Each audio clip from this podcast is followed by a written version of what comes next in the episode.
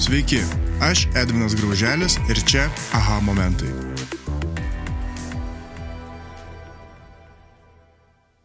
Šiandieną sveikinuosi su, nepatikėsit, bet vienos iš mano įmonių buhalterė galvojau, žinokit, kad reikia tokį nuostabų žmogų pasikalbinti. Ir šiandien aha momentuose aš sveikinuosi su Jurate Šapolienė, apskaitos ir mokesčių konsultavimo verslo vedlys mokesčių džiunglėse bendrasavininkė, kuri save paprašęs pristatyti, pasakė, kad aš esu buhalterė, menininkė ir pradedanti raganą. Labą dieną. Sveiki, gyvi. Praplėskit man, prašau, apie raganą. Man labai įdomu ir manau, kad e, bet kuriam klausytojui e, verslo segmente raganos yra, kaip pasakyti, magija kažkokia. Taip, ką pažadinsi, tą turėsi. Fėja arba ragana. o ragana dėl to, kad draugauju su augalais, auginu grybus, renku iš gamtos augalus vaistažolėm ir turiu duplikus katinus. Wow, wow, kurie wow. tikrai raganos įvaizdį pat, pat, sutvirtina. Padinu. O čia taip lieki juodi katinai, ar tiesiog jau... Rožiniai, tai dar baisiau. Dar baisiau. Dar baisiau, nes žmonės nepratę matyti pliko, o juo labiau rožinio, tai pas mane dvi rožinės panteros namuose. Super, super. Kaip jums sekėsi atvykti, kaip laikotės? Puikiai. Ir, ir džiugu, kad pakvietėt. Ir į šitą pusę retai važiuoju, tai mums truputį reikėjo navigaciją pasitelkti, bet pakankamai greitai. Super, super. Tai šiandien aš su jumis iš tikrųjų ir norėsiu pabūti apie, apie tas temas, apie patį jūsų verslą, apie mm, pokyčius, kuriuos jūs patyrėte, nes aš, kadangi ne tik esu jūsų klientas, nu su kolegom esame jūsų klientas, bet ir lygiai taip pat aš uh, seku jūsų veiklą apskritai ir jūs, mano akimis žiūrit, netitinkate buhalterės statuso. Ir galvoju, būtina Juratę pasikviesti, pasišnekėti. Ačiū už komplimentą. Nes jūs aktyvi, jūs ekstravertiška, jūs įdomi, jūs veikiate ir galvoju, būtų griekas nu, nepakviesti. Man labai daug klientų sako, kad jūs nepanašiai buhalterė mhm. ir ar tikrai mes čia gausim tokias paslaugas. Ir aš tai laikau kaip labai didelį komplimentą mano asmeniui ir mano profesijai ir mano verslui. Mhm. Ir aš pati esu linkusi keliauti, patirti kažką naujo, mokytis nuolat ir tokią komandą kuriu. Labai yra įdomu, kad tokie žmonės ir susirenka. Ten ekstravertų burelis gal? Taip, ir mes dabar ir keliaujam, ir sportuojam, ir išbandom įvairiausias naujas patirtis. Ir kai žmogus ateina šiek tiek iš kitos aplinkos, mhm. jam būna keista. Okay. Kad buhalteris ryte prieš darbą pusę aštuonių eina sportuoti. Su treneriu. Ok, tai jūs čia jau kaip darote, kaip tos jau didžiulės, didžiulės įstaigos, įmonės, kur būna tokia. Prisipažinsiu, tai nebuvo mano idėja. Mhm. Mano kolektyvas pastumėjo, kad mes galėtume mūsų ofiso pastate esančiose sporto klube treniruotis. Ir paklausė, ką, tai, ką aš apie tai manau. Sakau, jeigu jūs po to dar turėsit jėgų ir dirbti, tai puiku. Mhm. Ir mes priėmėm tokį iššūkį. Sakau, gerai, jeigu jūs mėnesį laiko visos brandžios moteris išlaikysite discipliną, sekantį mėnesį moku aš. Mhm. Ir tai buvo iššūkis, nes ir aš ėjau, ir mano podukra ėjo, mhm. ir mano kolektyvė moteris, kurios niekada nesportavo, ėjo. Mes gavom tokį rezultatą, kad mes jau pusantrų metų sportuojame, nenutrūkstamai. Oho. Bet čia ne kiekvieną dieną, čia kiekvieną. Ne, du kartus savaitėje. Du kartus savaitėje. Mes pradžioje turėjome vieną trenerį, jisai dabar baigė studijas, išvyko karjerą daryti Vilniuje, o kitas treneris mūsų nuostabus ir mokslo daktaras, kineziterapeutas, tai čia tiesiog neturi galimybės pasakyti, man ten skauda ar ten skauda, jisai sakė, duosim krūvį kitur. Mhm. Vienu žodžiu, neleidžia jisai mums ramiai sėdėti. Supratau. O kaip va šitas, šita tradicija nauja, pas, ne, nežinau, prisidėjo prie jūsų verslo dabar? Vienareikšmiai komandos kūrimas. Mhm. Visi žmonės labiau yra tamprus, tie, kurie bendrą veiklą turi kartu, jie tikrai tarpusavį greičiau iš pusės žodžio susikalba, negu tie, kurie neina. Tikrai ne šimta procentų visas kolektyvas, nes yra jaunos mamos, kurios turi įsipareigojimų darželius mokyklėlės nuvežti, mhm. yra žmonės, kurie dar nesuprato, kad jiem tai pakeliui ir dabar turėjau tokį didelį nustebimą. Šiais metais aš turėjau didelį džiaugsmą penkis kartus atostogauti. Nu, tai čia pasaka, čia. Tokia wow. buvo mano siekėmybė ir aš paskutinės atostogas turėjau dvi savaitės. Įsivaizduojat, jaunam verslininkui palikti komandą, kurią reikia stiguoti. Išvažiavau tik tai su telefonu rankose. Ir viskas vyko. Viskas ir nebuvo vyko. skambučių? Buvo skambučių, buvo pasitarimų, buvo kažkokių kom komunikacijos, bet viskas vyko nuodugniai. Ir aš, kai grįžau, radau tris dietos komandas. Vieni atsisakė mėsos, kiti atsisakė pieniškų patiekalų, o treti valgė kaip valgė. E, tai tiesiog aš supratau, kad mano komanda tiesiog pati gali kurti tradicijas, man nebereikia mhm. reguliuoti, kurie kryptim žiūrėti, patys pasipuošė patalpas, aš atėjau į papuoštas patalpas ir tai jau yra smagu. Aš šiais metais galiu ranką prie širdies pridėjus, jau esu verslininkė. Tu jau ratą, nuo ko pradėjot? Aš gimiau buhalterijai. Mano Plačiau. senelis buvo buhalteris. Mhm. Jisai buvo didelės girininkijos buhalteris, kuriame buvo 12 tėtų buhalterių. Mhm. Ir tenais į tas patalpas manęs nelabai leisdavo, nes aš buvau judrus vaikas. Ir kartą močiutė mane penkių metų atsivedė į tą didėją buhalteriją, kurią statė dar vokiečių laikais, tai labai didžiulis pastatas akmeniniais laiptais. Ir kad netriukšmaučiau, davė man tuos visiems žinomus senuosius skaitliukus. Tikš, tikš, tikš, tikš. Taip, tokie skaitliukai kabo dabar pas mane ant sienos ir daugelis mhm. žmonių prisimena vaikystę. O aš tada atsisėdus ant jų, apvertus, rutuliukai žemyn, čiuožiau per visą buhalteriją ir rėkiau, buhalterija yra linksma. Neatsimenu, ar tikrai tą žodį gerai ištariau, bet kad tai yra linksma, tai mane lydėjo ilgai. Vėliau mano mama tapo buhalterė, jinai buvo buhalterė, paskui ekonomistė didelės gamybos, e, gamyklos iki to laiko, kol griuvo santvarka. Mhm. Aš su buhalterė prisiliečiau, kai man buvo 12 metų, mama buvo savišalpos kasos e, ištininkė ir leisdavo man tuo metinės šachmatkės suskaičiuoti. Šachmatkės, kas yra šachmatkės? Tai yra toksai dokumentų formatas, kai iš vienos pusės duomenys ir iš kitos pusės duomenys galutiniam rezultate turi sueiti. Ir aš sėdėdavau 12 metę, iš pradžių su skaitliukais, paskui su mašinėlė, paskui turėjau mašinėlę duodančią juostą. Mhm. Ir kol mama darydavo vakarienę, aš jai suskaičiuodavau visus galus. Negana to, mano mama man buvo padarius savišalpos kasos knygutę, mhm. kurie aš savo pinigus vaikiškus skaičiuodavau tenai. Visai... O, galit, aš kadangi jaunesnis gerokai, tas savišalpos, kas, kas tai yra? Dabartinės unijos prototipas dėl to, kad tarybiniais laikais žmonės negalėjo į banko sąskaitą nusinešti savo tikrų turimų pinigų, mm. nes tada būtų paklausti, iš kur jie gauti. O didelės gamyklos galėjo turėti savo tokią prabangą, turėti savišalpos kasą, tie, kurie turi ten nuneždavo, tie, kuriems reikia, pasiskolindavo mhm. ir nereikėdavo tarybiniai valdžiai atsiskaityti, kas ir kam ir kodėl. Mm. O pinigai laikomi banko sąskaitai buvo savišalpos kasos vardu, o ne tų žmonių, kurie iš tikrųjų pinigus pasidėjo. Tai tokis truputį buvo mažas uostas, bankelis įmonės viduje ir aš buvau tas žmogeliukas, kuris savo rankom skaičiuodavo jų visų galus. Be abejo, aš mm. nei vardų, nei, nei skaičių neatsimenu, bet man buvo didelis įspūdis, kad man leidžia prie tikrų popierių prisiliesti. Mm -hmm. Kaip vaikų tai buvo didelė patirtis ir aš labai liūdną savo patirtį atsimenu, kai mama padarė man savišalpos kasos knygelę, į kurią matydavo mano rankpinigiai ir mačiutės, senelio, tėčio duoti pinigai ir aš pati savarankiškai įsirašydavau, mhm. nes viską atiduodavau mamai. Ir mes turėjom susitarimą, kad kai aš važiuosiu į kelionę, aš buvau jaunų mhm. turistų būrelio narė, tada tuos pinigus aš pasimsiu, visą kitą laiką jie bus laikomi savišalpos kasoje pas taip, mamą. Taip, taip. Ir kartą gavusi tokių pinigų, aš tiesiog pasėmiau gražų raudoną tušinuką ir įsirašiau į tą knygutę. Ir mama sako, raudonas spalva buhalterijoje reiškia neįgiamą.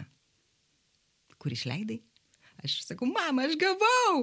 Aš pasidėjau, sako, ne, kiekvienas veiksmas turi rezultatą. Tokia pamoka. Ir buvo aš praradimas? Po, aš po šiai dienai raudoną tušinuką neįimu į rankas, jeigu reikia rašyti skaičių.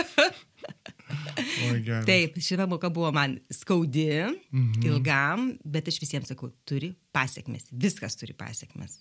Laiko planavimas turi pasiekmes, mhm. neplanavimas turi pasiekmes, spalva įrašė buhalteriai turi pasiekmes. Tai, tai tokia mano buvo patirtis pradžia, pradžioj ir be abejo, kaip ir visi vaikai, jau tai aš buhalterė niekada nebūsiu. Tai be abejo, be abejo. Be abejo. Ir kai jau reikėjo pasirinkti profesinį kelią, aš norėjau vien, turėjau vieną tikslą - dirbti su kompiuteriu. Mhm. Tuo metu, gūdžiais 96-ais, kompiuteriu dirbo tik buhalteriai. Vadyba dar dirbo su popieriukais, tušinukais ir užrašų knygutėm ir telefonu ant stalo. Mhm. Ir tada aš apsidairiau, pas ką galima būtų nueiti ir aišku pasibeldžiau pas mamą. Mhm. Ir taip pradėjau savo karjerą nuo sandėlio apskaitininkės. Tai buvo įdomu dėl to, kad mes kūrėme programą. Mhm. Mes turėjome kurėją, kuris dirbo viduje. Kiekvieną mėnesį mes tuos pačius duomenys įvizdavom vis kitaip, su iššūkiais susidūrėm, nes jis vis tobulino ir tobulino tą įrankį. Jisai buvo mūsų finansų direktorius, jisai geriau viską žinojo už mane. Mhm, be Mes- abejo. Taip, mes turėjom tris prekybos įmonės, kuriuose kiekvieną pirmadienį buvo inventorizacija. Ir Kiekvieną pirmadienį? Kiekvieną pirmadienį. Oho. Ir tuo remiantis buvo skaičiuojami atlyginimai.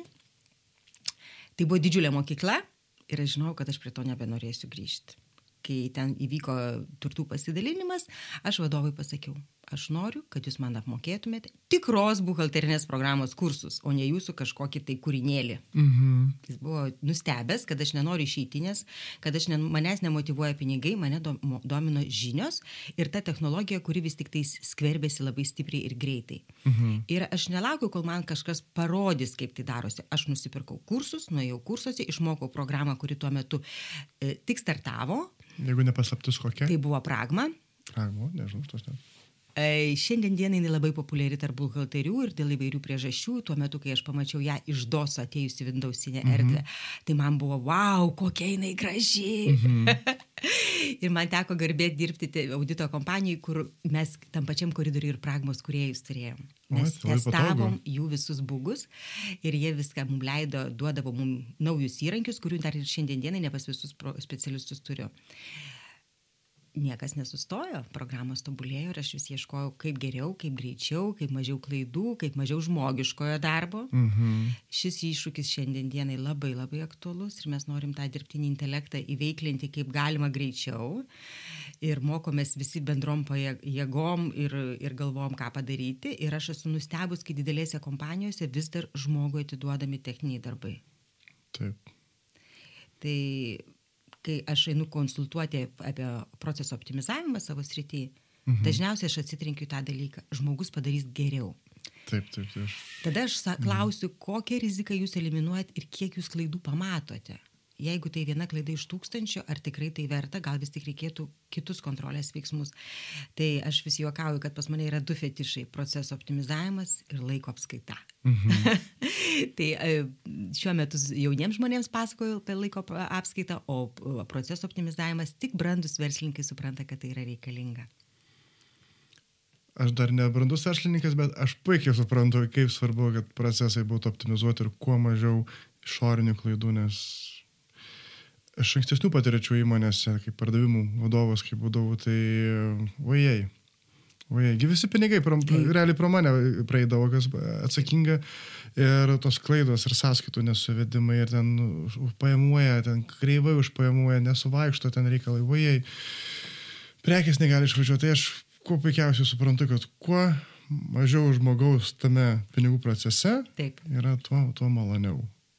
Visai įmoniai gal? Klaidos tikimybė mažesnė. Laikas kitas. E, Robotas netostogauja, nepietauja, nemiega. Mes jam atidavėm naktį darbą, ryte atėję mes galim analizuoti ir matyti klaidas. Mhm. Dar nesutikau nei vieno įrankio, kuris nedarytų klaidų, mes kol kas esame testavimo stadijoje. Bet aš manau, kad kažkas tai turi padaryti. Ir jeigu mes testuojame pradžioje, mes greičiau įvaldysime ir būsime šiek tiek pranašesni rinkoje. Sutinku. Sutinku. Nu, okei, okay, tada auditorija buvo, ta ne? Su Ne, auditorė taip ir netapau, nors tai buvo mano didžiulė svajonė. Aha. Bet dirbat audito kompanijoje. Trijose skirtingose. Turėsiu skirtingus. Tai ten yra mano didėjai universitetai, pl- plataus matymo žinios, nebijojimas didelių skaičių ir galvojimas, kaip ir iš auditorės pozicijos, o kas bus, jeigu aš tai padarysiu. Mhm. Ir ta mokykla buvo labai stipri ir taip išėjo, kad iš tos kompanijos teko išeiti dėl to, kad ji tiesiog užsidarė. Ne dėl to, kad mes ten kažkokie netinkami buvom, tiesiog įmonės nebeliko ir mums buvo kilusi mintis išėjusiai komandai susikurti savo audito kompaniją, kurioje mes turime nuostabią auditorę, kuri šiuo metu jau garbaus amžiaus ir užtarnautam polisį, bet tuo metu jinai buvo labai energinga. Ir jinai mums pasiūlė, gerai sako, aš jūs lydėsiu iki to momento, kol jūs tapsite auditorėmis, nes reikėjo turėti auditoriaus padėjėjo stažą. Čia kurie metai maždaug? O dabar tiksliai nepaminėsiu, aš labiau atsimenu datą, konkrečiai rūpiučio 23, kai atsirado audito įstatymo pakeitimas, kad auditorius padėjėjas turi būti registruotas e, auditoriaus padėjėjų sąraše, jis turi turėti universitetinį ekonominį išsilavinimą. Mano ekonominis buvo ne universitetinis, universitetinis ne ekonominis. Mhm. Ir aš iškritau iš žaidimo taisyklių ir nebegalėjau okay. dalyvautame. Ir tokiu būdu aš vėl grįžau į verslą. Okay. Tai buvo sudėtinga, nes auditoriaus padėjėjo statusas patiko, man tai buvo komfortiška, patogu, ir, ir, ir, ir prestižo elementas tame tikrai buvo. Ir ta viltis, kad aš kada nors tapsiu auditorė, kai užsitrenkė durelės prieš nosį, truputį tikrai kaukštelėjo per stogą. Mhm. Bet... Kas tada vyko su jumis? Tiesiog aš pradėjau ieškoti kitų galimybių. Mhm. Grįžau į verslus, į gana didelius verslus ir kadangi turėjau pakankamą jau stažą mačiusi ir kompetencijų, tai aš visada dirbau komfortiškoj savo zonai. Tiesiog ten, kur man nepatiko, aš išeidavau, jeigu matydavau, kad ne. Ir e, kai kuriems žmonėms tai kėlė įtampas. Kodėl negaliu pakentėti? Mhm. O kas bus geriau, jeigu aš kentėsiu? Taip, taip. Kas man tai kompensuos tą kančią? Ir esu patyrus tą momentą, kai aš parašau prašymą išeiti iš darbo ir man jį suplėšo prieš akis. Mhm. Sako, niekur tu neįsi. Sakau, kas čia ver, vergyje. Aš kaip suprantu, jūs net ir gerai dirbdavote. Taip. aš išėjau dėl netinkamų man sąlygų, taip, o ne taip. dėl to, kad, kad aš nežinau, kaip ten elgtis. Taip, taip. Tos įmonės irgi jau nebėra. O kas jums buvo, buvo tos netinkamos sąlygos? Nes dėl ko klausiu? Taip. Dabar labai didelis kontekstas yra toks, kad, sako, jaunimas neišbūna. Taip. Jaunimas dažnai keičiasi ir panašiai, nes yra netinkamos sąlygos. Jų kultūroje su provokimu netinkamos Taip. sąlygos. Tai va, jūs kai čia čia tu už mane vyresnė, tai uh, galite, manau, duoti tą iš praeities tokio konteksto, kuris, kas jums buvo netinkamos sąlygos ir kas paskatino išeiti. Bendravimo kultūra. Bendravimo kultūra. Nepagarba žmogui. Laikymas, kad tu privalai ir aš tau nieko už tai neduosiu. Mm, neskanu. Ir aš tada formavau, rinkau tuos akmenėlius į savo patirties krepšelį, ko aš nenorėčiau daryti savo versle. Kas man nepatinka, ko aš neatsineščiau. Mm -hmm. Užtat kartais, kai pas mane į kolektyvą ateina žmonės, sako, aš netikiu. Ar tikrai taip yra? Darbo pokalbį kalbėjo moteris prieš mėnesį laiko, jinai sako, o jūs neprisigalvojate? Čia pas jūs. Taip. Ar tikrai pas mus galima eiti sportuoti, Ar tikrai mūsų kolektyvas visas kartu pietauja ir už tai apmoka darbdavys? Ar tikrai mes važiuojame atostogauti vieną savaitę buhalterio dienos progą į užsienį? Jūs tikrai nemeluojat? Sakau, yra sekundžių reikalas, jūs naisit ir patikrinsit. Už sienos 14 žmonių, kurie tai jau patyrė. Ir iš tą kelionę kviečiu, kviečiau tuo metu žmonės, aš tokiu, tokiu mm -hmm. kontekstu ir skelbimą rašiau, kad kas nori eiti su mane į šią kelionę, kas nori būti komandos narys, Ir jinai nepatikėjo.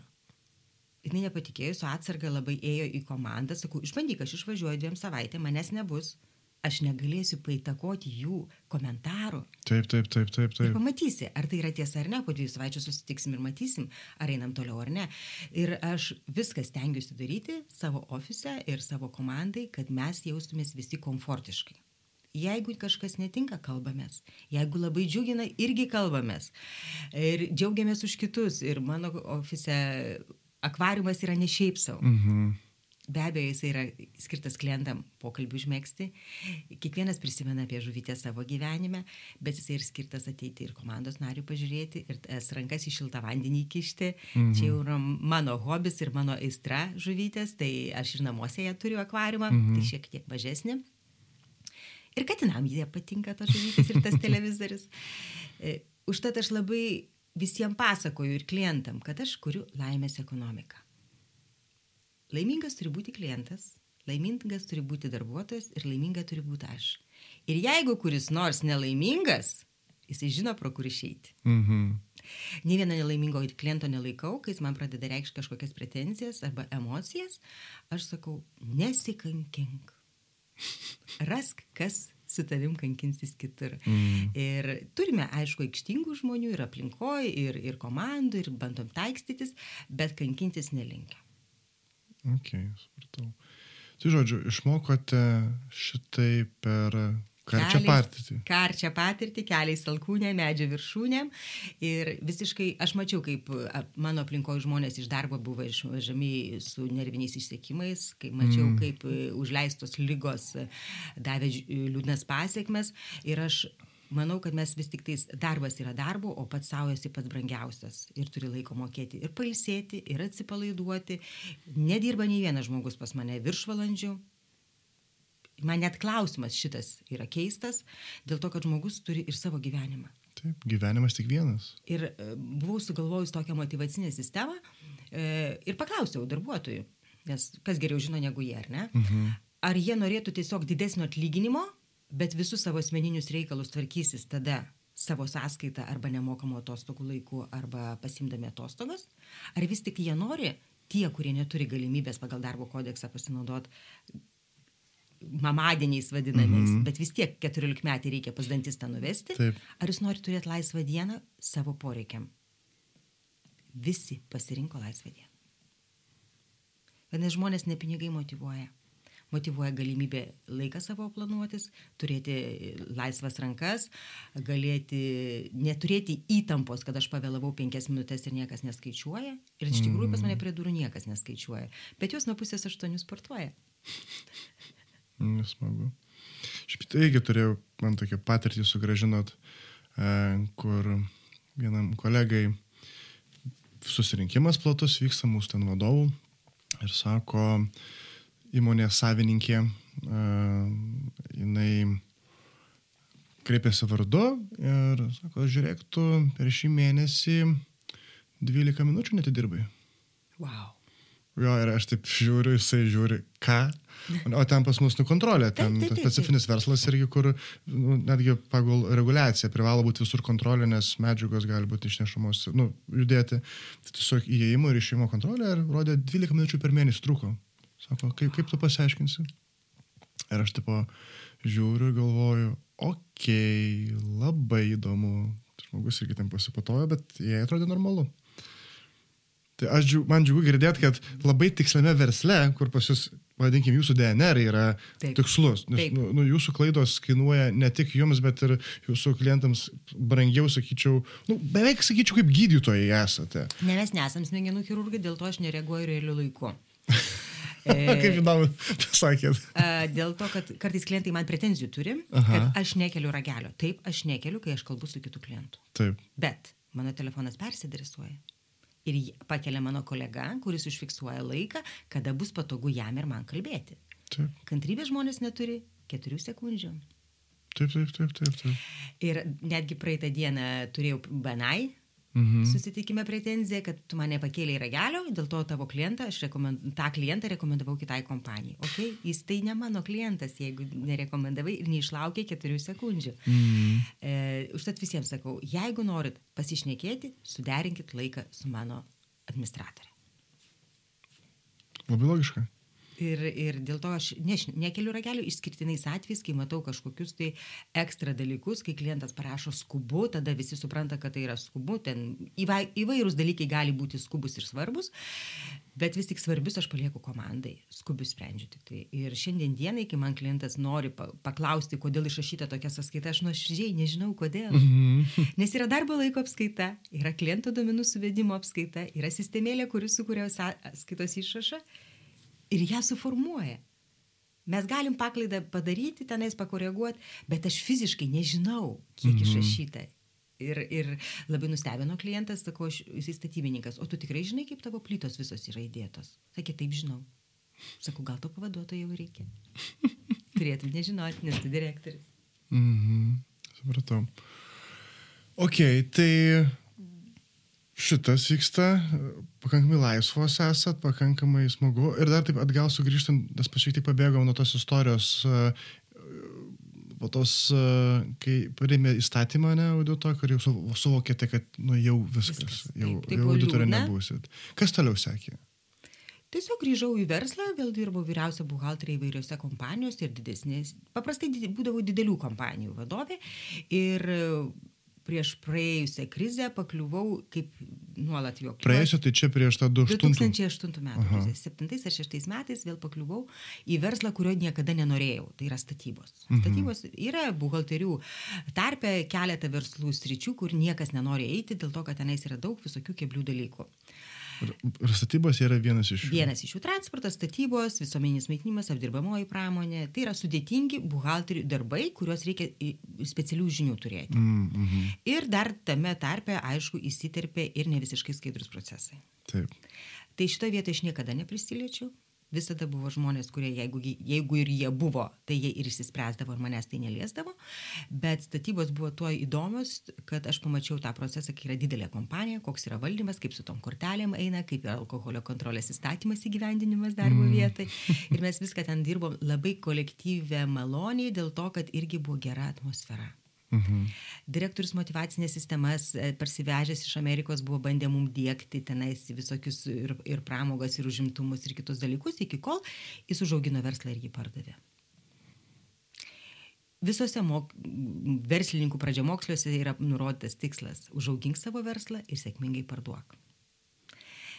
Neslėpsiu, šiais metais irgi gavau tokį pasiūlymą iš savo konkurentų parduoti šį verslą. Svarščiau, nes suma buvo tikrai viliojanti, bet mes su vyru pasitarėm, kad dar, dar mums čia smagu. Mhm. Mes dar save čia realizuojame, dar mes galim užauginti ir parduoti brangiau, Mhm. kai jau nebenorėsi. Tai jeigu grįžtant prie to statybų verslo, aišku, jisai pasibaigė su, su, su ta krize. Tada buvo labai liūdna ir aš po to išėjau į labai didelę korporaciją. Mhm. Ir mano mintis buvo labai juokinga visiems atrodžiusi. Ten reikėjo vyriausio buhalterio pavaduotojo. Galvau, va, pagaliau pailsėsiu. Nereikės man sprendimų priimti, nereikės nuo visų gauti visus šaratus. Aš būsiu tiesiog gizelis, vyriausiai buhalteriai ir viską padėsiu. Ne taip ten viskas buvo. Mhm. Bet tai buvo labai gera mokykla, aš pamačiau maštabą, kai administracijoje 600 žmonių, kai mano komandoje 30 žmonių, kai aš einu per visus pozicijas ir ieško optimizavimo proceso, nes tokį uždavinį iškėlė man ir aš pasiūliau, kad vis tik reikėtų peržiūrėti, ar tikrai tiek žmonių mums reikia. Ir aš mintinai žinau, koksai žmogus, ką gali padaryti per kiek laiko ir kiek tai kainuoja įmonė. Mhm. Ir man nesudėtinga suskaičiuoti savo verslę, kiek man žmonių reikės vasario mėnesį. Mano kolektyvas šiek tiek buvo nustebęs, kai iš spalio pabaigoje, lapkričio pradžioje du žmonės į kolektyvą įdėgiau. Ir visiems pasakiau, taip, mes turim būti pasiruošę vasariui, o vasarį metinukai ateis su savo visų metų apskaita. Mhm. Ir mes turime būti jau įsidėgę procesą, visi viską žinoti, neturėti kliuvinių. Tai tos didžiosios korporacijos yra nuostabi mokykla, tik tai reikia susitaikyti su tuo, kad tu esi didelio mechanizmo mažas varštelis. Mhm. Mano ego į tai netilpo. Mm. Okay. Ir, ir teko pasirinkti kitokį kelią, nes vis tik tais būti tuo mažu pakeičiamu varšteliu ir tai, kai primena, vėlgi grįžtu prie to, tos pačios psichologinės atmosferos, ji ten nebuvo gera. Mhm.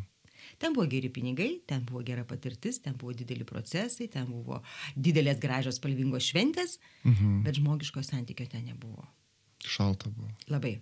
Ir aš netgi dabar pravažiuoju pro tas patalpas ir dar vis liekamieji reiškiniai organizme. Žinau, ką kalbat. Nors, nors iš ten išsinešiau labai gerų pažinčių, šiltų kontaktų ir susitikimų, tokių žmonės, kai susitinkam iš tos pačios kompanijos dirbusių žmonių, toksai jausmas, kad mes iš tų pačių vaikų namų. Su tom pačiom vaikystės traumom. Tai mano tikslas, kad mano komandoje nebūtų žmonių, kurie su vaikystės traumom būtų, bet yra tekę atleisti. Tai Yra man skausmingai. Man tai buvo labai skausminga, bet turbūt kiekvienas verslininkas turi išmokti šitą padaryti. Mhm. Kaip susidarojot su tuo? Buvo sudėtinga tame, kad mes buvome susidraugavę. Mhm. Tai buvo mano dešinioji ranka, žmogus atsakingas O už visus ypatingai procesus. sunku.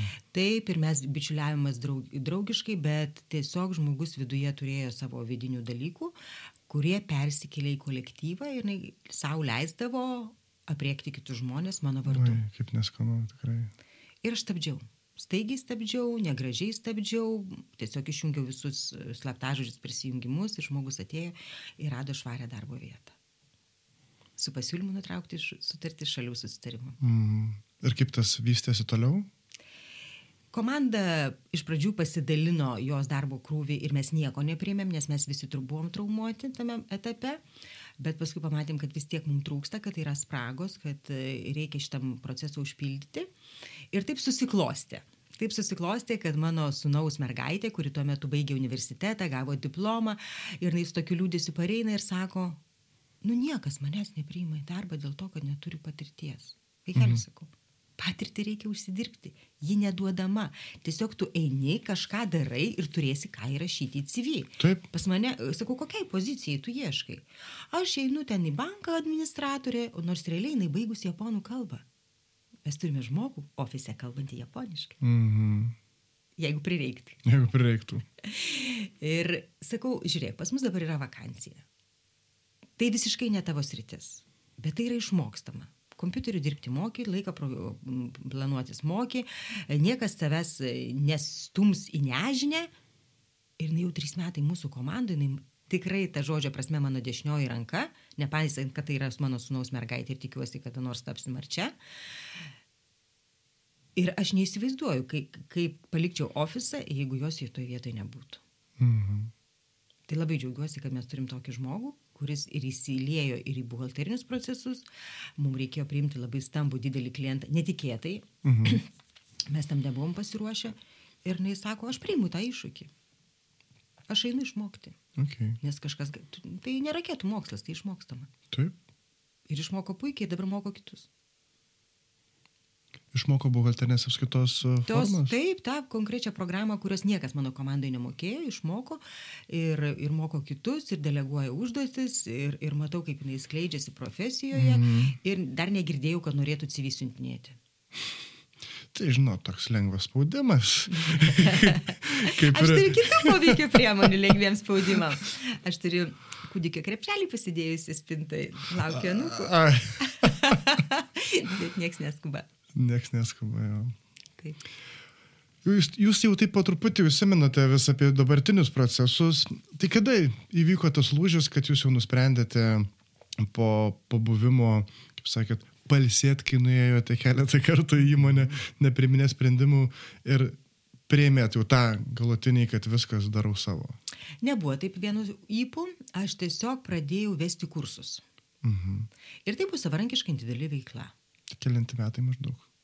12. Mano 12. individualios veiklos pažyma yra 12 metų. Tai jau 11 metų vedu buhalterinės apskaitos pagrindų kursus ir vienoje įmonėje, ir kitoje, paskui savarankiškai žmonės tiesiog susirasdavo. Tai buvo ir individualūs mokymai, ir grupiniai mokymai. Ir vis plėtėsi, plėtėsi, kad man vis daugiau ir daugiau laiko reikia tiem kursams ir vis mažiau aš noriu būti ofise. Tai tada teko pasirinkti tokias formas, kad aš ofise nebūčiau fiksuotų laikų, kad aš galėčiau būti laisvesnė. Ir taip susidėliojo, kad pamačiau, aišku, labai įdomų skelbimą. Mhm. Labai charizmatiškai parašyta.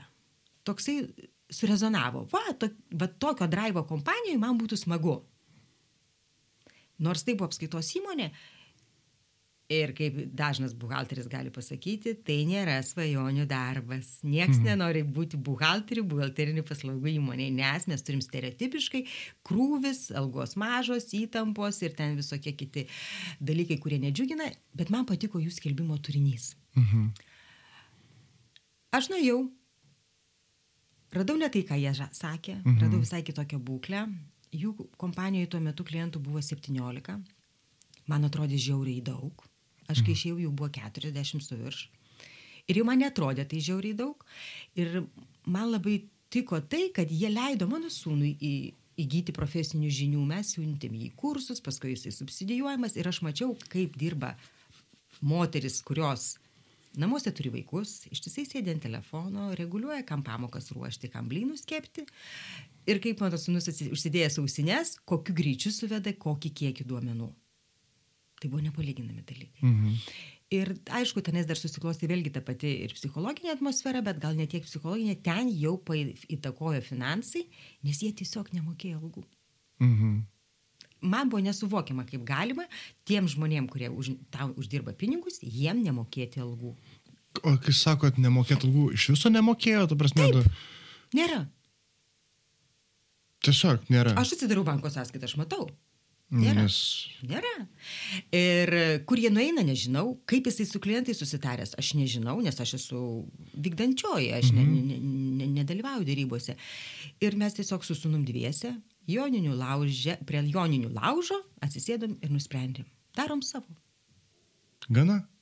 Mes jau viską mokam. Aš matau, kad jisai komandos žmogus, kad jisai žino iš mano žvilgsnio, ką reikia daryti. ir iš antakio pakelimo, kurioje vietoje buvo negerai. Mhm.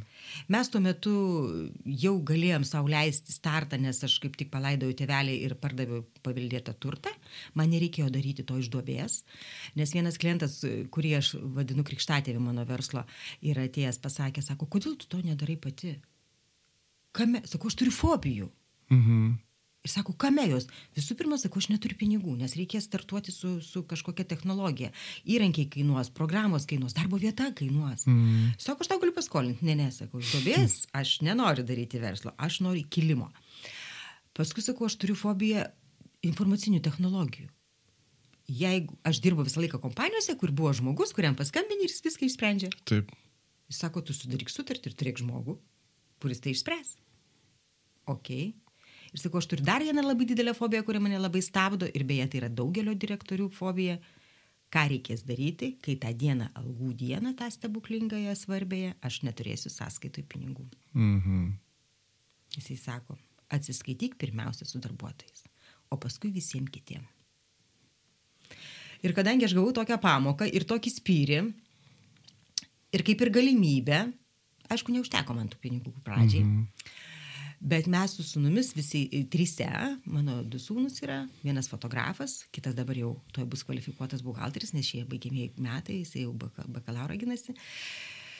Ginsis pavasarį, tai mes nusprendėm, kad mums to reikia. Ir mes turėjom labai įspūdingą vasarą, lakstėm po visą Kauną, ieškojome ofiso patalpų, nes aš būtinai turėjau turėti savo as, asmeninį kabinetą su gera garso izolacija, nes klientai mhm. ateina su jautria informacija pas mane ir turėjau turėti kabinetą komandai. Ir kaip visada stereotipiškai, griežtai be tarpininkų. Jokių man ten turto brokerių. Aš pati važiuosiu, pati ieškosiu, pati pamatysiu, pati sužinosiu. O baigėsi vis tiek tuo, kad paskambino turto, pardavė, turto pardavėjas, nuomotojo atstovas ir sako, aš turiu tokią poziciją. Nu gerai, sakau, nukeliam tą kepurę, einam žiūrėti. Ir mhm. kaip mes įėjome į tas patalpas, aš kaip dabar atsimenu, mes iškart žinom, kur kieno stalas bus kurioje vietoje akvariumas stovės, kaip mes tą darysime, kaip, kaip visas tai vyks. Ir tam nuomotoje sako, o tai jau čia viskas, jau čia pasirašom. Sakau, jūs sako, dar net nenorit sąlygų jokių sužinoti. Sakau, mūsų čia kabinetas. Mhm. Mes labai emocionaliai visą tai padarėm ir aš manau, kad vis tik emocijos yra tas pirmas impulsas, e, kuris duoda teisingą sprendimą, o paskui visi išskaičiavimai tai yra kompromisas jau su savimi. Ir mes labai ilgai dirbome tam mažajam kabinetėlėje iki to momento, kol mums pradėjo tiesiog fiziškai trūkti oro.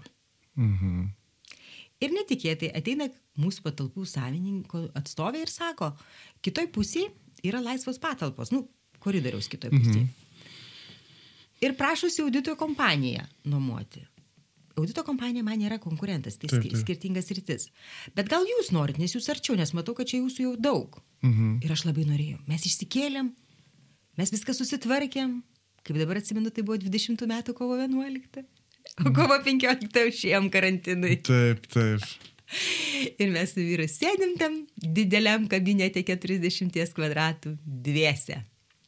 Ir išvežiojom darbo priemonės į namus. Mm.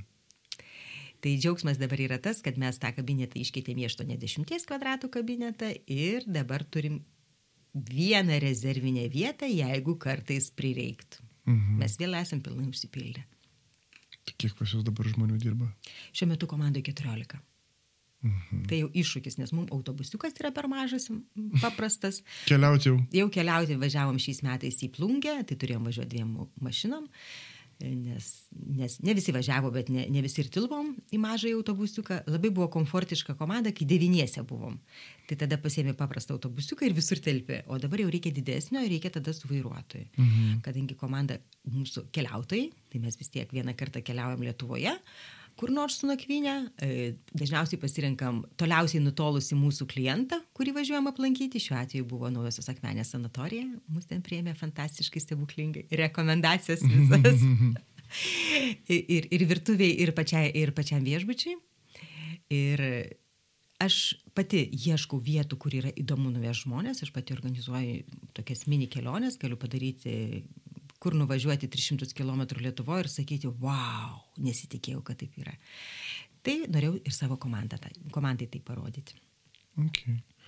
O tai kaip yra dabar? O tai kaip, ką jūs dabar iš principo darot? Nes aš girdžiu jau, mano taip subjektyvę nuomonę, jau jūs perinate į kitokį įmonės lygmenį, jau nieko Jūs jau nebe operacijose, taip man skamba, jūs jau tokiam, kur valdyme. strateginiam.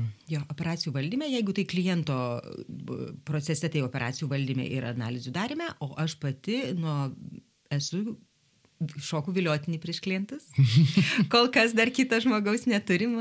Aš konsultuoju tiesiogiai. Mano pagrindinis duona yra konsultacijos nes netgi ateina ir kitų apskaitos įmonių komandos konsultuotis, kas mane labai nustebina šiais metais.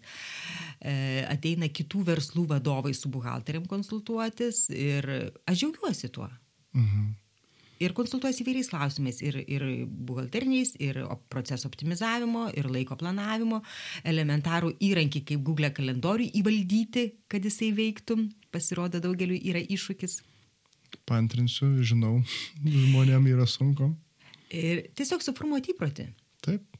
Tiesiog priprasti kaip prie telefono, bet jeigu to vieną kartą nusivylė, antrą kartą nusivylė, trečią nebedarai.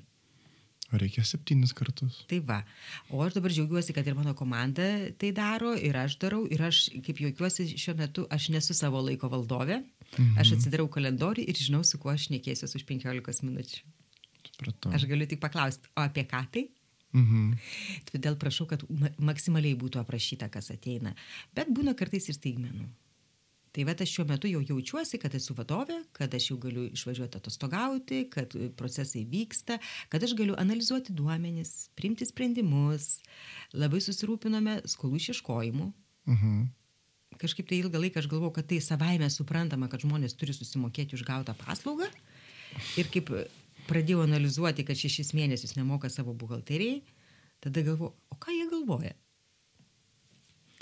Ir dabar turime žmogų, kuris kalba kitokiu intonaciją negu mano. Mhm. Ir turim rezultatą. Geras, geras. Tai, tai žodžiu, jūs dabar, a, konsultuojate, ne? Taip. Kaip, po, kaip jūratė, Taip. ar kaip įmonės vadovė? Aš tiesiog kaip Juratė konsultuoju Mhm. ir dažniausiai tai būna vedlys mokesčių džiunglėse. Mhm. A, tada mes nu, nustatom, gai, pa- parenkam verslo formą, kokia verslo forma reikėtų. Mano mėgia- mėgiamiausia tema, kai verslininkas prieš pradedant ateina pasikonsultuoti, nes mes Taip. Facebook'e ir Google'e ir visokios informacijos turim aibės, mitų yra labai daug, e, visokių, kiekvienas iš savo vienos patirties papasako, kaip reikia daryti, o mano patirčių yra ženkliai daugiau per mėnesį negu pas jį per gyvenime. Mhm. Sutinku. Ir dėl to aš visą laiką džiugiu, kai ateina pasikonsultuoti pradžioje. Taip. Antras susitikimas labai džiugina, jeigu tai būna po šešių mėnesių. Tada jau žmogus truputį pajuto, ką reikia versle nedaryti ir kaip daryti, kad būtų geriau. Ir paskui jau būna tas toksai lūžinis susitikimas po penkių metų su vadovu, kai jis pradeda analizuoti savo duomenis, nes pradedantis verslininkai to nedaro. Kainodara iš pajūtimo, sąnaudos tiek, kiek reikia, mokėsiu tada, kada turėsiu, man kai sumokės, tai ir džiaugsiuos ir procesas nevaldomas. Mhm. Tai aš jau trys metai pati savo verslui mokausi to. Mhm. Ir e, tris metus mokiausi mastermindo formatu, būtent apie verslo valdymą, paskui apie buhalterinių paslaugų verslo valdymą, o dabar buhalterinių paslaugų sistemo dėgymas. Ir mes turime tokią puikią lektorę Asta Dagilę, turbūt daug kas ją matė ir Instagram'e, ir Facebook'e. Jis tas mastermindo sesijas moderuoja mums, įneša idėjų, o mes patys vieni kitiems išsprendžiam savo problemas, kurių nežinojom, kad turim. Be geras formatas šitas. Taip, man jis patinka ir dabar aš dalyvauju dar vienoje mastermind sesijoje, tai yra vadovų mokymai, kaip jiems analizuoti savo duomenys ir sekti laikyti ranką ant pulso. Tai su šita programa pradėsiu startuosiu sausį, užtat su buhalterinė mokymu jau uždariau. Paskutiniai mokiniai išės gruodį. Ir nebemokysit jūs? Ne, Okay. dabar mokysiu vadovus. Manau, kad tai irgi yra labai svarbus segmentas. Įmonių vadovus. Taip, verslų vadovus, taip. Okay. Dažniausiai tai mažuose versluose yra savininkai, kurie kaip ir jaučia, kad kaip ir neblogai. O ką padaryti ir ką stebėti, kad būtų geriau, arba kaip tai prognozuoti, tai aš noriu būti tuo treneriu, kaip sporte. Pats gali bėgioti vienas pats, o ar čia gerai bėgiojau, ar blogai bėgiojau, ar čia rezultatas tenkina, ar netenkina, mhm. nežinau. Tai aš noriu būti tuo treneriu, kuris laikyčiau kartelę, sakyčiau deadline'as, pasižiūrėk, ką gavai. Tai šiuo metu mokausi pati to, bandau pritaikyti savo verslui. Kaip ir visiems vadovams, sekasi sunkiai, nes nėra laiko tam. Mhm. Bet džiaugiuosi, kad turiu moderatorius, kurie e, pabaksnoja į nugarą, rytoj namų darbų pristatymas, ar jau pasidarėjai. Mhm. Ir labai įdomus tas formatas visas ir kaip mes juokavom, kad visos verslo knygos yra parašytos dideliem verslam. Taip. Tikrai taip. Mažas Paantrinsiu. verslas paliktas kapanotis, iki kol jis pataps dideliu verslu ir jam yra sunku, nes jis net nežino, kaip kapanotis, arba išplauksi, arba išskesi. Tai tada aš noriu būti tą gelbėjimosi valtimi tol, Mhm. kol tu esi mažas. Tai jūs orientuositės į mažų įmonių savininkų. Taip, lietuviškais masteliais mažas verslas iki 50 darbuotojų. Mhm. Tai maždaug iki kokių 5 milijonų eurų. apyvarta, Taip, taip, taip. Ir dažnai labai būna, kad kol jie visai mažutėlį, jie bijo klausti, nes galvoja, kad juoksis. Patikėkit, kai nueinam į verslo vadovų klubus. O tai irgi yra viena iš komunikacijos priemonių, kur ir apie savo verslą pakalbėti gali, ir, ir, ir kitiem pasirodyti, ir apie tave sužino, ir apie kitus sužinai, ir pirkti paslaugas ar prekes, kai tu pažįsti savininką, yra ne tokia pat kokybė komforto ir serviso, kai ateini iš gatvės. Mhm. Vien dėl to yra verslo kontaktų klubuose dalyvauti yra didelė vertybė. Jūs BNI dalyvauja, taip? Aš dalyvavau įvairiuose klubuose. Buvau pradžioje pramonės amatų klubų narė. Mhm. Esu Lietuvos buhalterių auditorių asociacijos narė, ten mes kompetencijas įkeliam. Buvau nacionalinės buhalterių asociacijos narė, tiesiog dabar šiuo metu pasitraukiau.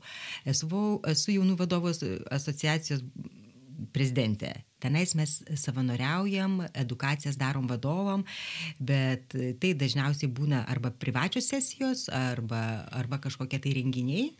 Ir daug savanoriauju kaip lektorė. Tiesiog ir spiečiuose, ir įvairiausiuose renginiuose, kur pakviečia. Negaliu sakyti, kad tai visiškai savanorystė dėl to, kad yra grįžtamasis ryšys. Ir kuo daugiau atiduodi, tuo daugiau grįžta. Taip. Nes aš kaip, tarkim, matau jūsų socialinių tinklų veiklą, taip pačioje buhalterių asociacijoje, mano, ten dažniausiai skelbėte, tai aš iš tikrųjų, aš pats einu pasitikrinti, ką jūs rašot, o, o gerai, jūratė parašė, reiškia, bus kažkas svarbu, koks naujas pokytis valstybėje. Oha, gerai, kaip čia mes darysim dabar, kaip čia mus palies iš tos pusės. Tai aš puikiai suprantu, kad jūs dabar esate savo verslo veidas. Ir jūs... Taip. E, mm, ką aš girdžiu iš jūsų, čia pasakysit, ar aš taip galvoju ar ne, jūs iš esmės tam tikrą marketingo veiklą užsiminėjat, kuri dabar jūsų tas nemokamas savanorystė, kaip sakote, paskaitų vedimas, vis tiek vienokio ar kitokio būdu atveda naujų klientų. Taip. Ir jie jau būna apšildyti, Mhm. jie jau manim pasitikė. Ir aš šią savaitę turėjau tokią labai man šokiruotą konsultaciją. Žmogus turi buhalterę, Mhm. pats pasirašė raštą mokesčių inspekcijai. Mhm. Buhalterė perskaitė ir sako, paskambink jūratė, tegul pasako, kad gerai parašai. ok, sakau, aš ją pažįstu. Ne, jinai seka Facebook'e. Jau, taip sakant, dividendai krenta Taip. truputį. Ir jisai pu puikiai nuostabiai parašė, aš patvirtinau ten kelias pastabas, pasakiau, kad aš galbūt tuo papildžiau arba kitų papildyčiau, bet iš esmės jisai parašė nuostabų dokumentą. Ir aš, vadinasi, ne veltui aš tam Facebook'e sėdžiu. Taip, ne veltui. Ne veltui. Iš ten tikrai ateina daug, tik tai tiek, kad labai nu, žmonės įsivaizduoja, kad jeigu aš transliuoju informaciją, kad jo konkrečią situaciją aš konsultuosiu nemokamai. Ne, nemokamas mm. laikas baigėsi. Ir aš galiu iškart pasakyti, konsultuoju nemokamai vaikus ir neįgaliuosius. Tai čia yra mano jautri tema ir jeigu kartais yra šeimoje vaikai su kritiniam lygom ir reikalinga finansinė pagalba, labai rekomenduoju iš karto steigtis viešą įstaigą, mamai tapti direktorę. Šitą visą pirmąjį kelią visada darau nemokamai ir pirmus veiklos apskaitos metus tvarkau nemokamai, ateinu į komandą ir sakau, turim savanorystę, kas pakelsit ranką. Ir praktiškai visada būna kelių sekundžių bėgi paimtas šitas e, klientas. Ateityje, kai procesas įsibėgėja, tai be abejo, pas juos jau, kai atsiranda pinigai, jie patys paskambina ir sako, mes jau norim atsiskaityti. Mhm. Tai tokių patirčių turiu ne vieną ir ir labai džiaugiuosi, kaip užsidaro tos įmonės, kai tos kritinės lygos aplenkia, išnyksta, pasveiksta, bet yra tokių situacijų, kai jos niekada nepasibaigs. Ir, ir lydim, ir konsultuojam, ir šnekamės, ir, ir e, skatinam, ir raginam, bet e, šitas rytis yra jautri ir jo tik, tikrai stipriai aš savanoriauju. Supratau. Gražu. Šitas. Gražus gestas. Bet, bet labai daug žmonių nesikreipia, nes galvoja, kad tai kainuos labai brangiai. Užtat aš transliuoju, kad jūs nebijokit kainos, jūs gelbėkit šiandien. Ir yra buvę e, kelis kartus, kai žmonės, kuriuos aš pažįstu, patyrė traumų, kurias reikėjo svarbiai gydytis ir jisai šaukė, reikia, skirkit man pinigų, aš jam rašau, būk žmogus. Tau 15 procentų tai kainuos tie pinigai. Ar tikrai jie neverti, negalėtų būti panaudoti reikšmingiau? Sako, aš dabar neturiu laiko, mama to nedarys, o aš fiziškai negaliu. Tegul būna, kaip būna. Ir kai jam reikėjo susimokėtos 15 procentų, jis buvo labai nelaimingas. Ir tada jisai man rašo, kodėl aš tavęs nepaklausiau. O sakau, nu, aš biuri, aš pasakysiu, o ką aš tau sakiau. Mm. tai raginu, jeigu savo aplinkoje ką nors turi tokio, paskambinkit, tikrai rasiu laiko šitai sričiai, nes jinai yra jautri. Okay. Supratau. Tai jūratė dabar su kuo gyvenat? Kuo gyvena jūsų verslas? Technologiniais iššūkiais. Mes norim skaitmenizuotis, mes norim žmonės palikti kūrybai. Mhm. Kūryba tai yra finansinių analizų darimas, o kad techninį darbą darytų robotukas. Mhm.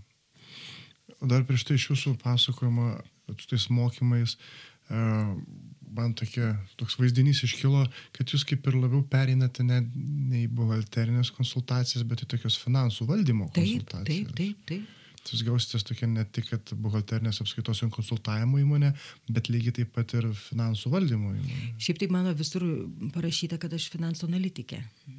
O, Tiesiog įmoniai direktorė kaip stau anspaudas, o visur kitur pozicijose visur parašyta finansų analitikė. Aš analizuoju ir asmens finansus, ir kažkaip labai dažnai tai būna susijęta ir asmens finansai, ir įmonių finansai, įmonių grupių finansai, ir kaip tai spręsti, ir, ir tai yra įdomu, tai yra labai kūrybinio darbo daug tame. Mhm, aš, aš suprantu, suprantu šitą. Tai gerai, tai reiškia tokie kaip mokymai ne mažų įmonių savininkams e, iš finansinės perspektyvos Taip. rautų suvokime. Aš kaip suprantu, čia yra vidinis, e, vidinis finansavimas, ne tas, kur būna, e, kai yra išoriniai, ne kaip klientai atneša pinigus, yra vidinis, taip. kaip susivokia savo procesuose, kur pinigai tiesiog dings. Taip, ne? taip. Apie tai kalba. Taip. Taip. Ir kaip susistrateguoti, susiplanuoti, kad žinočiau, kur dinksta iš anksto. Kad man tai nebūtų staigmena, kad tai būtų rutina, kad tai buvo planinis dalykas. Ir jeigu mano vienas klientas, jie ten du savininkai, vienas sėdi ir sako, ratė, pasakyk, kaip mums greičiau daugiau uždirbti, o kitas sako, padaryk taip, kad mes mažiau išleistume. Sakau, klausykit vyrai, reikia eiti abiem kojom. Daugiau uždirbti ir mažiau išleisti. Ir tada turėsi didelį žingsnį laisvalaikį. Mm. ir, ir mes ten tada ilgai, aš pas juos e, turbūt du metus tą finansinės analizės e, modulį įdėginėjau, nes labai didelis pasipriešimas kolektyve. Mes turėjom labai įdomų procesą tame, kad mes išsigrininom kiekvieno darbuotojo naudingumą įmonėje. Tai čia skaudu man vadyba pripylė druskos į kavą. o mai, tiesiogiai? Tikrai. Wow. Bet ir kultūra Sak, kokia tada. Sakau, vyrai kokiais brandus. Taip, ir tenais buvo išsigryninta, kurioje vietoje yra silpnosios grandis, kurioje vietoje ar tikrai verta palikti, ar, ar tikrai nereikėtų keisti motivacinės sistemos. Nu, vienu žodžiu, buvo labai įdomu.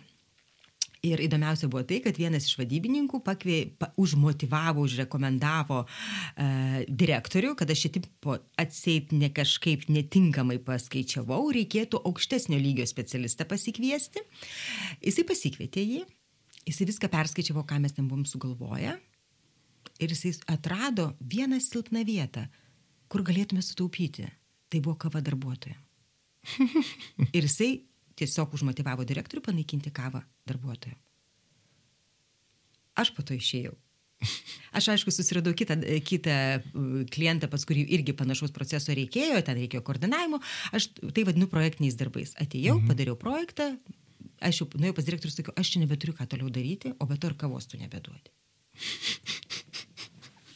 ir kolektyvas. Tai ką, išmėtai, blema, čia koks IT verslė, tai čia būtų streikas iš karto. Ui. Ten nebuvo įti, bet gavosi taip, kad vienas iš darbuotojų, kuris turėjo didelį įtaką, jis iš principo gėrė arbatą. Mhm. Tai jisai sako, manęs iš vis tai nemotivuoja, o kavos eilutė labai didelė. Kiti motivavo, kad jie gertų kitokią kavą. Ir baigėsi tuo, kad visiems nuėmė kavą ir kai klientą reikėdavo vaišinti konsultacijos metu, kiekvienas turėjo iš savo stalčiuko Išsitraukti kavos pupeles, įbarstyti kavos aparatą ir išvirti klientui kavos. Tai kiek čia stūpė? Procesas absoliučiai neekonomiškas. Taip, o tai kiek čia stūpė iš tos kavos kiek? Tūkstantį per metus? Aš paskaičiavau tuo metu, kad tai buvo, dar tai buvo litai. E, Litais žmogui per dieną. Litas. Mhm. Nu tai komandai gal ten 30 žmonių, tai va tiek. Čia niekas. Tai, tai juokinga, tai buvo juokinga ir, tas, ir aš tik vienintelį šitą radau atsakymą, kaip suoptimizuoti sąnaudas toje įmonėje. Vadinasi, jau buvo iki tol viskas padaryta, maksimaliai. Bet aš džiaugiuosi, kad mes likom draugais. E, to direktoriaus sunus pas mane kursus lankė. Hmm. Nes jisai baigė finansus, bet jam reikėjo konkrečiai su mažai bendryje susipažinti. Ir jis sako, aš tiesiog pas tave noriu ateiti ir pasimokyti. Sakau, džiugu, puiku, ateik. O tai kur galima rasti jūsų mokymų? Ai, tik nebedarysit mokymų, viskas jau. Norėjau sakyti, gal man reikėtų čia pas jūs dar pereiti. Nėra tokios prasmės. Geriau vadovui daryti vadovų duomenų Vadovų, valdymo. Taip. taip, Bet patys džiugiausi būdavo, žinot, kokie mano klientai. Hmm. Kurie vadovai ateina išmokti buhalterijos, kad nereikės samdyti buhalterio. Oi, ne. Tokių buvo 20 procentų. Mhm. Ir aš visą laiką klausdavau prieš kursus, koks lūkestis, ką noriu išgirsti ir ką norėsi išsinešti. Ir aišku, kai jau diplomus ir sveikatus įteikinėdavau, visą laiką klausdavau, ką išsineši. Kas patiko, ką atsiminsi, sakinys. Mhm. Ir praktiškai visi pasakė tą patį. Samdyti reikia profesionalą. O vadovai reikia daryti verslą. Taip. Bet ta, tos žinios, ką gavo, jisai jau mokėjo susikalbėti su savo buhalteriu ir Taip, tai yra neišmesta į balą. Ir kai kurie vadovai tikrai puikiai nus- nusimano ir aš netgi žinau tokių vadovų, kurie patys buhalteriai yra baigę, bet sako, ne, aš kitą verslą noriu daryti, tai ne mano duona ir atiduoda profesionalams. Lygiai taip pat kaip aš irgi moku pasisiūti suknelę, bet aš nueinu pasisiuvėjai ir man pasiuva. Galbūt mano vyras ir padangas, ratus pakeistų mašinoje, bet mes neturim nei tų įgūdžių, nei įrankių, nei mes noro tokio turim. Ir ar Taip. tikrai visi turi daryti viską? Gal geriau specializuotis? Aš palaikau jūs. Ačiū. Palaikau jūs tikrai vienareikšmiškai. Laikas į pabaigą šiaip eina, bet aš dar noriu apie tą ateitį pasižiūrėti. Sakė, tai yra tas technologinis virsmas dabar jūsų kompanijoje. Tai taip e, pasižiūrint į priekį, kokia bus jūsų kompanija po penkių metų. Ką piešėt savo? Aš manau, kad tai bus ženkliai didesnė Žmonių kiekiu? į klientų kiekį. Klientų kiekiu. Klientų. Mes dabar fokusuojamės į didesnį klientą. O kiek dabar turit? Šiuo metu mūsų klientų sąraše 250. Tik jūs sakėt, pirmą kartą buvo 17, atrodė daug, Taip. tai dabar jau nebedaug, gal 250. Ir tai yra 8 metai darbo. Mhm. E, Bet kai viena mano ateinanti darbuotoja sako, tai ką, aš tiek balansų turėsiu padaryti. Sakau, pas mane yra individuali veikla, yra viešosios įstaigos, yra individualios įmonės. Tai yra gali būti mažutėlis tas verslas, bet jam vis tiek reikia pilno finansinės atskaitomybės rinkinio, netgi jeigu ten vienas skaičius. Taip. Vadinasi, jį reikia padaryti. Tai jisai irgi yra sąraše. Mhm. Ir jisai, mes turim tokią puoselėjom viltį, kad visi tie mažutėliai užaugs. Vieni užaugo, kiti hobiai taip ir liko, treti laviruoja ant išgyvenimo ribos, kalbamės kaip tai padaryti, bet jie nenutraukė. Labai džiaugiuosi tais, kurie prieėję krizę nusprendžia išeiti į išorę, gauti naujo vėjo, naujo oro ir vėl grįžta su naujom idėjom. Verslas yra margas, kaip ir žmonės. Ir ten mes vienus labai džiugojom, kad užauga ir išeina visai, nes jiems reikia visiško proceso, bet turim labai didelį verslą, mūsų klientą didžiausią, 20 procentų užima mūsų pardavimo krepšelio, bet mes pas jį savo delegavę žmogus, tai sėdi ten visada. Mhm. Ir, Okay. ir, ir komanda tik tais aukštesnės pozicijas užimanti atlieka paslaugas nuotoliniu būdu. Bet mes į jų kalėdinius vakarėlius kviečiami. Oi, tai labai gerai. Labai smagu. Labai gerai. Labai smagu. Tai kaip suprantu, per penkis metus planas dar tokius kelias žuveliukus pagauti. Aš labai viliuosi, kad mano sunus užaugs iki tiek, kad jisai galės čia sėdėti ir pasakot, kaip jisai tapo verslininku. Nes kol kas jisai mokosi būti juo, nors mes kartu jau daugiau kaip dešimt metų buhalterijai. Mhm. Okay. Kartu su sunu, čia visiškai šeimos verslas gal. Taip, taip, šeimos verslas pradžioje ir mano mama dirbo tame, kol insultai neištiko. Mhm. Dabar jau pa, pa keletą metų prašom, kad nebesikištų. Jau, jau kad ilsėtųsi. Taip, Jau ilsėt- priskaičiavo savo. Taip, taip, taip. Bet ne, žinokit, vis dar nori ką nors pasakyti. Nu tai, tai ką jūs čia jaunimas? Nesgi nieko nesupranta. Nieko nesupranta. Ne, mano mama iš pradžių juokavo, sako, pradžioje aš tą kelią tiesiau, paskui mes buvom tolygios kolegijos, kuriamis mes galėjom vienodai pasitarti, mhm. o paskui kaip jinai pradėjo trauktis iš, iš tos profesijos, o aš vis tiek karjerą dariau, jau aš jai buvau konsultantė jos profesijai. Mhm. Tai mes buvom tokiam lygmenį, kad... Jūsų technologinis versmas įvyko taip, tada. Taip, taip. Jis sako, aš jau tingiu eiti į seminarus, tu paklausyk, man pasakysi. taip ir vyko. Nusipratau. Tai žodžiu, dabar esat stabilios, žavios, su jaunu direktorium, kaip suprantu, ne? Taip. Keliaujančios, sportuojančios, buhalterės. Ar čia ne per daug seksistiškai galvoju, nes tik, tai, tik tai jūsų sunus? Mūsų komandoje net du vyrai. O.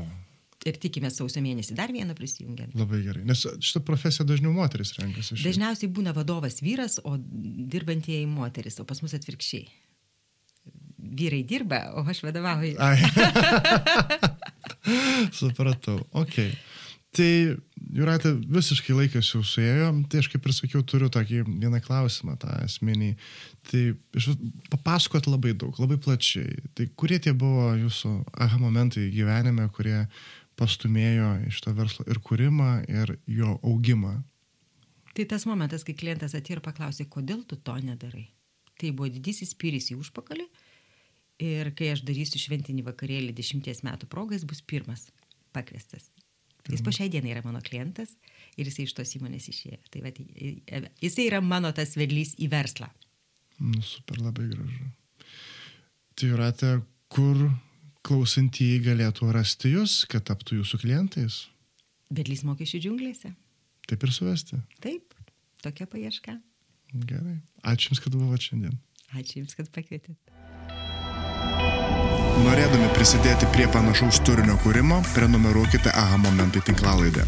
Mūsų rasite Contribui platformoje Spotify bei Apple Podcast. AHA momentus kūrė Garsas Modestas Kapustinskas, dizainas Greta Venskūnaitė ir žmonės kalbina coachingo specialistas Edvinas Grauželis. Visos teisės yra saugomos.